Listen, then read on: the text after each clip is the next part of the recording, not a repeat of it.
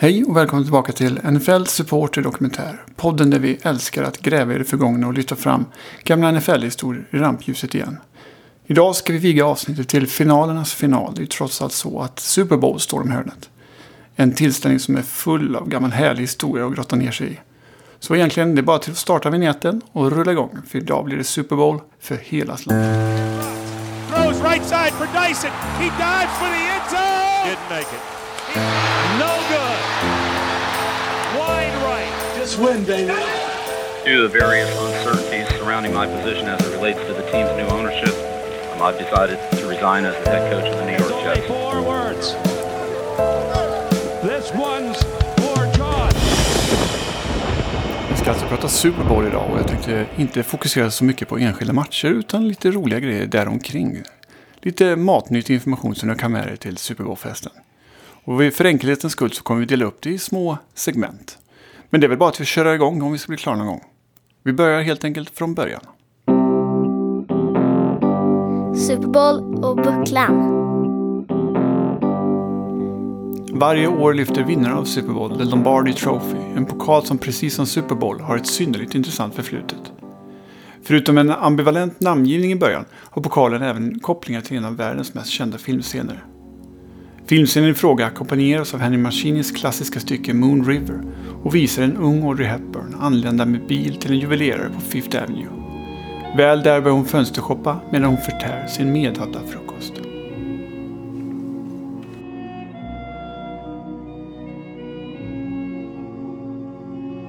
Breakfast at Tiffany's hade premiär 1961 och gjorde Audrey Hepburn till en superstjärna över en natt. Nu var det dock inte så att hon var den enda som fick ut något av filmen i fråga. Den New York-baserade smyckesfirman Tiffany's fick naturligtvis ändlösa mängder av gratis reklam världen över. Huruvida de behövde det för att få uppdraget till att göra The Lombardi Trophy låter dock vara osagt. Men 1966 satte sig Peter Sell, som då var chef över ligan, han satte sig ner med Oscar Reedner från Tiffany's för att diskutera bucklor. Rosell arbetade då med att försöka slå ihop ligorna NFL och AFL och samtidigt introducera någon slags superfinal som skulle kunna kunna göra en mästare mellan ligorna. Finalen var naturligtvis tvungen att ha en pokal och Rydner visade sig snabbt vara mannen för jobbet. På en servett skissade han snabbt upp hur en pokal skulle kunna se ut och Rosell blev mycket nöjd och mästarpokalen var född. Ja, sen var det då det här med namnet. Ni som kan er historia vet säkert att namngivningen inte alltid varit NFLs starkaste gren. Pokalen döptes inledningsvis till Tiffany's Trophy efter smyckesfirman som gjort den. Intelligentare än så blev det helt enkelt inte. Nu blev det dock så att ödet gav NFL en hjälpande hand. De två första finalerna vanns nämligen av Green Bay Packers. Deras legendariska coach Vince Lombardi hann dock inte njuta av segrarna särskilt länge innan han insjuknade i cancer. När Lombardi sedermera 1970 avled på grund av sjukdomen valde ligan att döpa om bucklan för att hedra en av de amerikanska fotbollens verkliga legendarer. Sedan den dagen har bucklan burit hans namn, The Lombardi Trophy.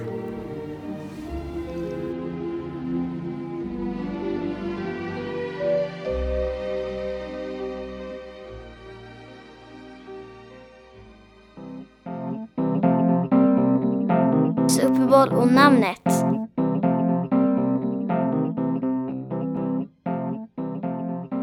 Och så var det då det här med namnet. Super Bowl. Finalernas final. Om du är intresserad av amerikansk fotboll har det troligtvis inte gått i obemärkt förbi att final inom denna sport har en tendens att heta just något med bowl på slutet. Vi har ju självfallet Super Bowl som, som är finalernas final. Men framförallt på college-nivå kan vi hitta mängder av olika bowler. När man tänker efter är dock bowl, skål, ett aningen udda namn. Hur kommer det sig egentligen och varför blir det just Super Bowl? Varför är det Super i början? Ja. Historien med Bowl Games dateras tillbaka ända till 1902 då Michigan och Stanford spelade en match som ett led i den då relativt nyinstiftade nyårstraditionen som staden Pasadena startat 1890. Traditionen i fråga, som finns kvar än idag, är en rosenparad som går genom hela staden. Tanken var att fotbollsmatchen skulle vara ett sätt att finansiera detta spektakel och samtidigt kanske bidra till festligheterna på något bra sätt. Matchen var visserligen populär men under kommande år experimenterade arrangörer med lite olika typer av underhållning runt omkring Rosenparaden. Men från och med 1916 har fotbollsmatchen varit ett stående inslag i nyårsfirandet i Pasadena. Hemmalaget för matchen, om man får kalla dem så, hämtades ursprung från en konferens som heter PCC, Pacific Coast Conference, medan motståndarna hämtades någonstans från den östra delen av USA. PCC blev med åren Pac-12 och motståndarna hämtas numera från Big Ten. Och vanligtvis är det då mästarna i respektive konferens som möts på nyårsdagen i den här matchen. 1923 flyttade matchen till den nybyggda arenan Rose Bowl i Pasadena som hade fått sitt namn efter arenans skålliknande form och ortens förkärlek för just rosor. Många av er där hemma kanske känner igen Rose Bowl från fotbolls-VM 94 där finalen spelades just på den arenan. Från den här dagen i alla fall, 1923, så betecknades matchen helt enkelt The Rose Bowl Game. Även om Rose Bowl var en publiksuccé tog det dock 10-15 år innan fenomenet började sprida sig. Men under slutet av 30-talet började det dyka upp lite andra bowler runt om i, i landet. Sugar Bowl, Cotton Bowl, Orange Bowl och Sun Bowl. Och på den vägen är det helt enkelt. Idag finns det mängder av bowler och många av dem är dessutom sponsrade av kommersiella krafter. Så där har vi alltså förklaringen till bowl. Men hur kommer det sig då med superdelen i ordet Super Bowl? Även om det direkt inte är någon raketforskning som ligger bakom namngivningen är det oftast Kansas City Chiefs legendariska ledare Lamar Hunt som tillskrivs det här begreppet. När NFL och AFL skulle slås ihop i slutet av 1960-talet böddes en stor final mellan ligorna. En jättefinal. En finalernas final. En superfinal. Idén till namnet har Hunt sagt att han fick när han hem, satt hemma en dag och tittade på sina barn när de lekte på golvet med en studsboll. Han reagerade på bollens namn. Super Bowl. Där har vi kanske någonting, tänkte han. I ett möte en tid senare diskuterades den stora finalmatchen och om den inte borde ha ett klatschigt namn också. Något enklare än det då planerade American Football League vs National Football League Championship Game. Huntler då plötsligt har sagt man skulle ju kunna kalla det Super Bowl även om det inte är något så bra namn det heller kanske. Förslaget gick inte igenom. Men med tiden växte idén hos alla inblandade och lagom till det vi idag brukar kalla för Super Bowl nummer tre lanserades det här nya namnet. Således är det egentligen den första Super Bowlen den finalmatch som spelades 1969, det vill säga Super Bowl 3. De två föregående är helt enkelt namngivna i efterhand. Den berömda studsbollen och Lamar Hunts historia går idag att återfinna i Hall of Fame. Vissa journalister har genom åren försökt lägga ihop artiklar och tidsaxlar för att ta reda på om det verkligen var så att Lamar Hunt var den som myntade det här begreppet. Och kanske var det inte så. Eller var det så? Eller vem vet? Och, och ärligt talat, varför ska vi förstöra en bra historia med sanningen?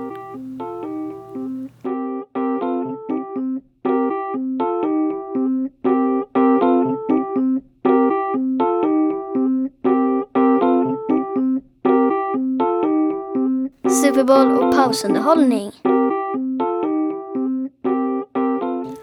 Hela veckan kring Super Bowl är ju egentligen ett enda stort spektakel i sig. Men det kanske allra största spektaklet är numera pausunderhållningen som inte sällan är sjukt påkostad och drar enorma tittarsiffror.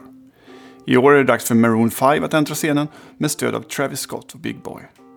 Super Bowl-pausen har dock inte alltid varit så här påkostad och populär. I väldigt många år påminner det mer om en tam OS-invigning än den supershow som det faktiskt borde vara. Oftast var det en lokal paradorkester som fick uppdraget att glatt strutta omkring på inneplanen och spela på sina checkinstrument. Ibland kanske man lade till någon man som släppte ut 3000 duvor. Eller något barn som sjöng. Eller varför inte en hund som kan fånga en frisbee? Det är väl häftigt? En anledning till denna orgie i lamhet bygger i grund och botten på NFLs inställning till pausen. Redan på ett tidigt stadium så sades det uttryckligen att inga pengar skulle läggas på pausunderhållningen.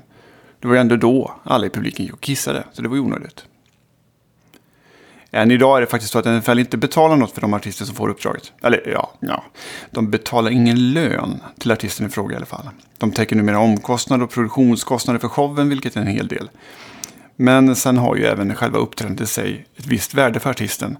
Det är ju ändå så att de får 13 minuters exponering inför 120 miljoner tittare eller något liknande. Så att det, ett visst värde har det nog. Och eh, tittar vi på förra året så var det Justin Timberlake som uppträdde och han råkade ju bara släppa sitt album i samma veva. Så visst har det ett värde för artisten. Men hur har vi då landat här? När slutade vi med paradorkestrar och övergick till stora artister? Ja, om vi backar bandet till 1992 då CBS fick för sig att använda pausen till att göra lite reklam för kommande OS i Albertville så har vi nog svaret. Där tänkte de, varför ska vi inte göra någonting som ser ut som en OS-invigning? Det vore väl käckt? En massa folk i formationer på inneplan, kanske ett snötema, kanske ett rappande barn eller två. Två olympiska konståkare från förr i form av Brian Boitano och Dorothy Hamill. Allt gavs namnet Winter Magic. Smaka på det. Winter Magic. Mm.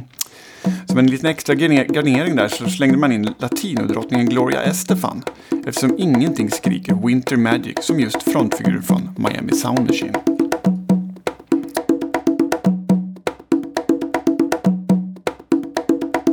På ett annat möte någonstans i USA satt vid den här tiden några grånande gubbar på tv-kanalen Fox och funderade på hur man skulle konkurrera med Super Bowl. Skulle man visa någon gammal repris eller någon bra långfilm som kunde konkurrera med den stora matchen?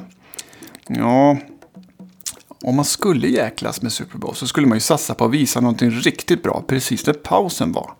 Då skulle möjligtvis folk byta kanal. Fox trumfkort vid den här tidpunkten var ett sketchprogram med bröderna Wayans som hette In Living Color. Noterbart i sammanhanget var att ensemblen i programmet även innehöll en då relativt okänd Jim Carrey. Fox valde således att lägga en live-version av programmet precis samtidigt som Super Bowl-pausen skulle vara. Det blev en oerhörd succé. 22 miljoner människor bytte kanal vilket fick till följd att NFL fick stora skälvan helt enkelt. Pausunderhållningen var tvungen att förändras. Året därpå tog NFL i med hårdhandskarna och kontaktade kungen av pop, Michael Jackson. Bara det bästa var gott nog nu. Problemet var ju det här med pengarna eftersom det visade sig att Jackson gärna ville ha just det, pengar. Till slut nådde man dock en kompromiss som gick ut på att Jackson inte fick något betalt men att NFL skänkte pengar till ett välgörande ändamål som Jackson valt ut. Med det utrett var allt klart för den stora dagen. Och när Jackson bokstavligen flög upp ur scengolvet på Rose Bowl i Pasadena den 31 januari 1993 så förändrade han återigen världsbilden. Inte bara för oss eh, fotbollsfans utan även för sig själv. Då han på något vis visade att poppen absolut inte var död och att grungen fick nog hålla sig tillbaka några år till. Sedan Michael Jacksons dagar så har uppdraget att göra pausen på Super Bowl alltid gått till någon stor artist eller grupp. Oftast har de ju fått uppdraget på grund av någon, hur ska vi säga, lång och trogen tjänst. Vissa artister kanske har haft en alldeles för lång och trogen tjänst. Tänker främst på kanske Rolling Stones eller The Who som borde fått uppdraget ja, 30-40 år tidigare. Personligen eh, minns jag mest eh, pausunderhållningar som Beyoncés och Prince till exempel från 2007. 2007 var ju det året då det spöregnade och Peyton Manning tog sin första ring. Då för Indianapolis Colts och på andra sidan mittlinjen stod eh, Chicago Bears. En ganska medioker match men det vi minns kanske är just pausunderhållningen. Det lite udda för den här grejen var ju just det här med regnet. Super Bowl spelades ju alltid på den här tiden på så kallade vädersäkra platser. Det vill säga det skulle vara sol, det skulle vara mysigt, det skulle vara fint, perfekta förhållanden. Det var ju bara så att eh, ingen hade pratat med vädergudarna i Florida den här helgen. Och när de drog upp rullgardinen den där morgonen så var det storm och det regnade. Och arrangörerna blev lite lätt oroliga eftersom de skulle ha en liten prins som skulle trippa runt på innerplan i högklackat i pausen. Vilket kanske är en, ja, det skulle kunna bli halt så att säga. Någon stackare i produktionen fick självfallet uppdraget att kila in till Prince den här morgonen och säga att vi kanske bör tänka om. Vi kanske borde ha sneakers på oss i eftermiddag så vi får lite bättre fest eller något liknande. Och framförallt se till att Prince inte ställer in på grund av regnet. Den här eh, som, mannen som fick uppdraget knackar på på Prince hotellrum och berättar vad som har hänt och hur det ser ut utanför dörren.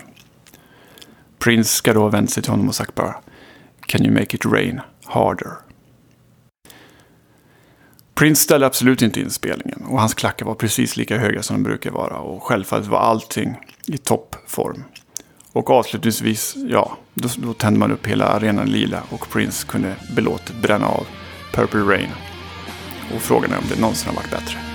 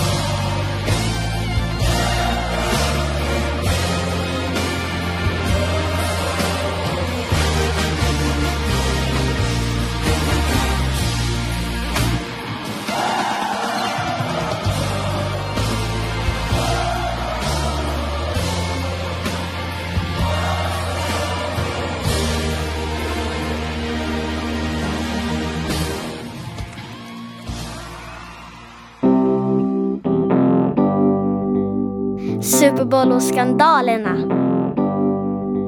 Skandaler. Vad vore egentligen en Super Bowl utan en riktig skandal? Spelarna är ju väldigt duktiga på att fixa till detta under rådande säsong så självfallet har ju även Super Bowl drabbats av sådana här fadäser. Allt från tragiska enskilda historier till arrangörsmissar av olika slag. I det här segmentet ska vi alltså ta oss en titt i backspegeln och kolla på de största skandalerna som hänt under Super Bowl. Vår första historia hämtar vi från 2003 då Buccaneers ska möta Raiders i Super Bowl. Under veckan innan Super Bowl började dyka upp nyheter att Raiders center, Barry Robbins, har försvunnit på något sätt. Dagen innan Super Bowl dyker han väl upp men är totalt okontaktbar när coach Callan ska försöka prata med honom. Callan har inget annat val än att lämna Robbins utanför truppen och eh, man får helt enkelt ta in reserven som center för matchen. Efter Super Bowl så börjar man nysta i vad som egentligen hade hänt med Robbins. Det visade sig att han hade festat på och irrat sig över gränsen till Tijuana i Mexiko. Där hade han gått runt och skrikit “Victory” i tron att Reyes hade redan vunnit matchen. Han lades in på Betty Ford-kliniken för sina alkoholproblem. Men där konstaterar man även att han var eh, psykiskt instabil och att han led av bipolär sjukdom. Robbins fortsatte spela i Raiders under kommande säsongen men där framkom att han även var dopad. Och han åkte fast i samma härva som Marion Jones och andra idrottare. Raiders hade inget annat val än att eh, kicka ut Robbins och tyvärr har hans liv därefter gått eh, nerför.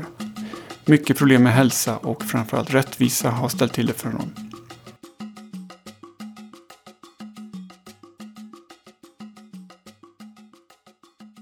För nästa historia tar vi oss tillbaka till 1999 och Super Bowl 33. Matchen skulle spelas mellan Denver Broncos och Atlanta Falcons och vår huvudrollsperson är Eugene Robinson som då är Free Safety i Falcons. Han har haft en fantastisk säsong och eh, dagen innan Super Bowl så får han eh, Bart Star Award. Priset som går till den spelare som har uppvisat det mest gentlemannamässiga beteendet i ligan. Tyvärr gick inte Robinson på den efterföljande efterfesten utan gick rakt ut i Miamis nattliv och eh, letade upp en, vad han trodde var en hora och bad denne idka lite oralsex med honom. Eh, tyvärr visade sig horan vara en polis, vilket fick till följd att Robinson fick spendera natten hos eh, polisen. En natt på polisstationen är självfallet ingen bra uppladdning inför en Super Bowl.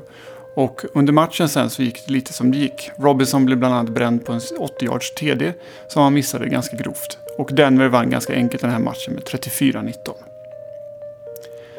Det som dock är glädjande i historien är att Robinson på, något vis hankar sig tillbaka i spelet och livet och eh, tjänar idag som eh, kommentator på radio och tv.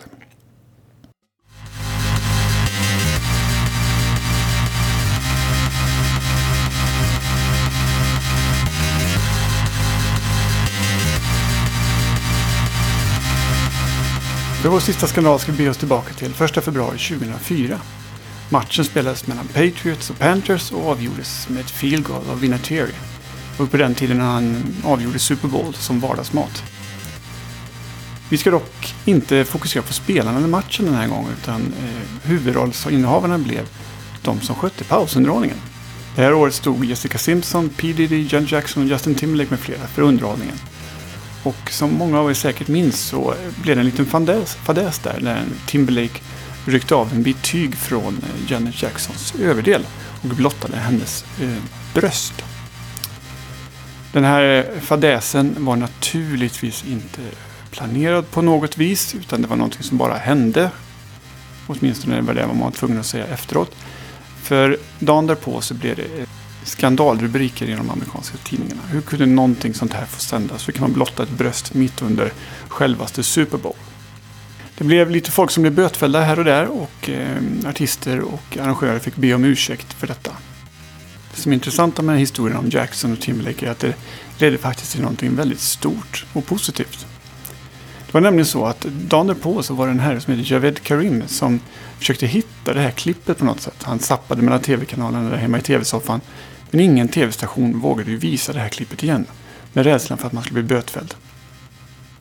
Karim blev då irriterad och tänkte att det måste ju för skjutsingen finnas något ställe där man kan hitta ett klipp och se det i efterhand. Det måste ju finnas ett ställe där man kan lägga upp filmer och dylikt. Så att alla kan få välja själv när de ska titta på det. Ja, han skred således till verket och skapade en sajt där man kunde lägga upp filmer och klipp av olika slag. och kallade den för YouTube. Och resten är väl så att säga historia numera.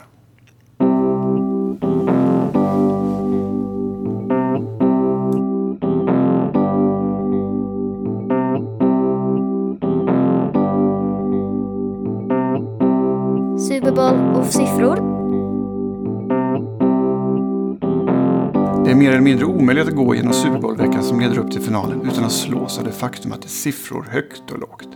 Amerikanerna älskar sina siffror och allt ska mätas. Hela veckan handlar om flest, dyrast, störst och bäst. Om vi ska grotta ner oss i detta ämne behöver vi kanske börja med den lite udda namngivningen av eh, matcherna. Varför används romerska siffror?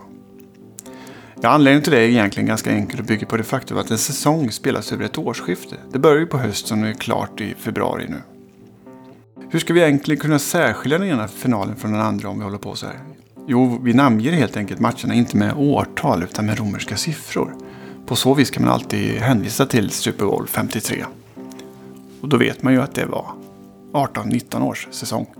Ja, det låter kanske som en smart idé, men mm, jag vet inte om det verkligen blev enklare. Nu är det således dags för Super Bowl 53 då. Eller L-I-I-I som det nu väl så skrivas. Finalen är självklart det ultimata målet för alla spelare i NFL, men tyvärr har ju inte alla fått möjlighet att spela i denna match. Vissa lag har självfallet varit med om fler finaler än andra. I toppen av statistiken återfinner vi till exempel Pittsburgh Steelers med hela sex vinster. Följt av Patriots, Cowboys och 49ers med fem segrar vardera. Bakom den här statistiken så döljer sig ganska mycket historia och kan vara lite värt att känna till hur det ligger till där. Även om Steelers vunnit två segrar i relativ nutid med Big Ben så var det ju 70-talet som var deras stora era då man vann hela fyra stycken titlar. Tillsammans med Dallas var man sportens dominanter. Cowboys nådde under den här perioden fem finaler men fick bara två segrar med sig. Lagen möttes för övrigt i Super Bowl 13 i januari 1979 där båda lagen slogs om möjligheten att bli första lag till tre segrar. Matchen är för övrigt den enda Super Bowl där två QBs med två Super Bowl-ringar var har mötts. Terry Bradshaw och Roger Staubach. Steelers gick segrande ur den striden. Noterbart är för övrigt att just Steelers mot Cowboys är den vanligaste matchupen i Super Bowl. Hela tre gånger har lagen gjort upp om Lombardi Trophy. När vi ändå pratar 1970-talet så kan vi även notera att Vikings fyra finalförluster på åtta år skedde just under den här perioden. Självklart kan vi inte heller avhandla 70-talet utan att nämna Miamis två segrar från 72 och 73. Den första tillfället var dessutom en så kallad perfect season, det vill säga att laget förlorade inte en enda match på sin väg mot bucklan. En bedrift som de är ensamma om än idag. Ungefär när Dwight Clark fångade det där berömda passet som eh, fått det passande namnet The Catch. Ni vet det där när Montana rullar ut till höger och letar och letar och letar och sen drar in en passning i endzone och Clark kommer från ingenstans och hoppar upp på fångarna. Ungefär vid den tidpunkten så började en ny era i NFL. Det var 80-talet som började och det var Redskins och framförallt då 49ers som tog över och dominerade. Huvudstadens stolthet tog tre titlar på fyra försök medan 49ers tog fyra segrar. Noterbart här är att deras QB John Montana spelade alltså i fyra finaler och vann alla. Ett faktum som de flesta 49ers-fans brukar lyfta fram när det ska avgöras vem som är bäst genom alla tider. Tittar vi på mer bedrifter under perioden brukar Bears seger 1985 lyftas fram. Det var visserligen mer av en engångskaraktär men innehöll hjältar som Walter Payton och coachen Mike Ditka. I laget fanns även den ikoniske William DeFridge Perry, en nätt herre på 191 cm och 159 kg. Hans Super Bowl-ring är än idag den största som gjorts till en segrare. Hans ringstorlek var nämligen 25 som kan jämföras med en normal man som bär storlek 10-12. Början av 90-talet innebar sedan en ny era för Dallas Cowboys som tog tre mästerskap på fyra år. Decenniumet fick även se 49ers ta sin femte Super Bowl innan John Elway fick runda av millenniet med två raka segrar. Från millennieskiftet och framåt startade då den era som vi befinner oss i nu. För så bör det nog betecknas. Patriots imponerade fem segrar och alla kommit under dessa år. Och även om förluster inte är något att skryta med i vanliga fall kan jag tycka att lagets tre förluster trots allt säger något om lagets dominans under den perioden. De har alltså varit i åtta finaler och vunnit fem. På söndag kan laget gå upp jämsides med Steelers med sex segrar och Tom Brady kan bli den spelare som har flest ringar genom alla tider. Ser vi till just individuella insatser, Tom Brady och Charles Haley delar etta med fem ringar vardera just nu. Haley var en linebacker och defensive end för 49ers och Cowboys i slutet av 80 och början av 90-talet. Vidare så kan det även nämnas att Bill Belichick kan gå upp som ensam ledare i listan över folk vid sidan av planen med många ringar. Det vill säga ägare och coacher och dylikt. Vinner han på söndag så är, han uppe i hela åtta ringar, vilket är väldigt imponerande. Två av dessa ringar tog han ju med New York Giants under 80-talet då han var defensiv koordinator där. Och så måste vi också ta upp de här mörka sidorna av Super Bowl. Det vill säga, det finns ju trots allt lag som har förlorat en hel del. Och jag skulle bara vilja säga till eh, redaktionsmedlemmen Daniel att kanske gå och göra något annat i några minuter. För det är trots allt så att vi ska ta upp eh, lag som till exempel Buffalo Bills som förlorade fyra raka finaler under 90-talet. Och eh, likväl som det är ganska imponerande så är det ju ganska tragiskt att man förlorar fyra på raken. Bland de stora förlorarna återfinner vi även Minnesota Vikings som vi hade nämnde här alldeles nyss. De förlorade fyra finaler under åtta års tid eh, under 70-talet. Bland andra stora förlorare hittar vi också Cincinnati Bengals som lyckades vara bra under 80-talet. Nackdelen var ju att även 49ers var bra under 80-talet. Och eh, även om man då tar sig till Super Bowl så kan det vara tufft att vinna. Det vet bland annat kommentatorn Chris Collinsworth som var delaktig i den Bengals-trupp som torskade i två finaler under 80-talet. Nästa fråga man kan ställa sig är naturligtvis om det är värre att förlora en Super Bowl än att aldrig ha varit där. De lag som inte har någonsin tagit sig till en Super Bowl är Cleveland Browns, Detroit Lions, Houston Texans och Jacksonville Jaguars. Jag tror de nästan till hade bytt vad som helst för att åtminstone få spela en Super Bowl. Men eh, vi får väl hoppas att de kan ta sig i kragen nästa år och försöka ta sig dit. Så om vi ska sammanfatta det här så ska vi väl säga så att när du tittar på matchen här på söndag kväll så är det så att eh, Brady kan bli ensam i historien med sex ringar. Belichick kan bli ensam i historien med åtta ringar. Och sen ska vi väl nämna att Rams kan ta sin andra Super Bowl-titel.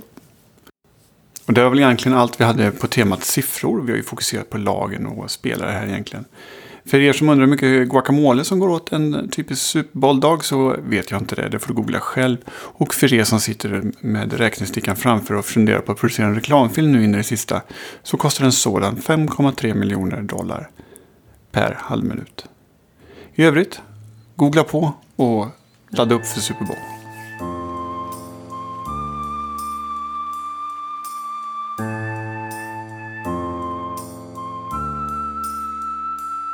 Det där var alltså allt vi hade om Super Bowl för stunden. Det finns naturligtvis hur mycket som helst att gräva fram om denna finalernas final. Så ta dig gärna och slå dig ner framför Google och kolla vad du kan hitta om Super Bowl.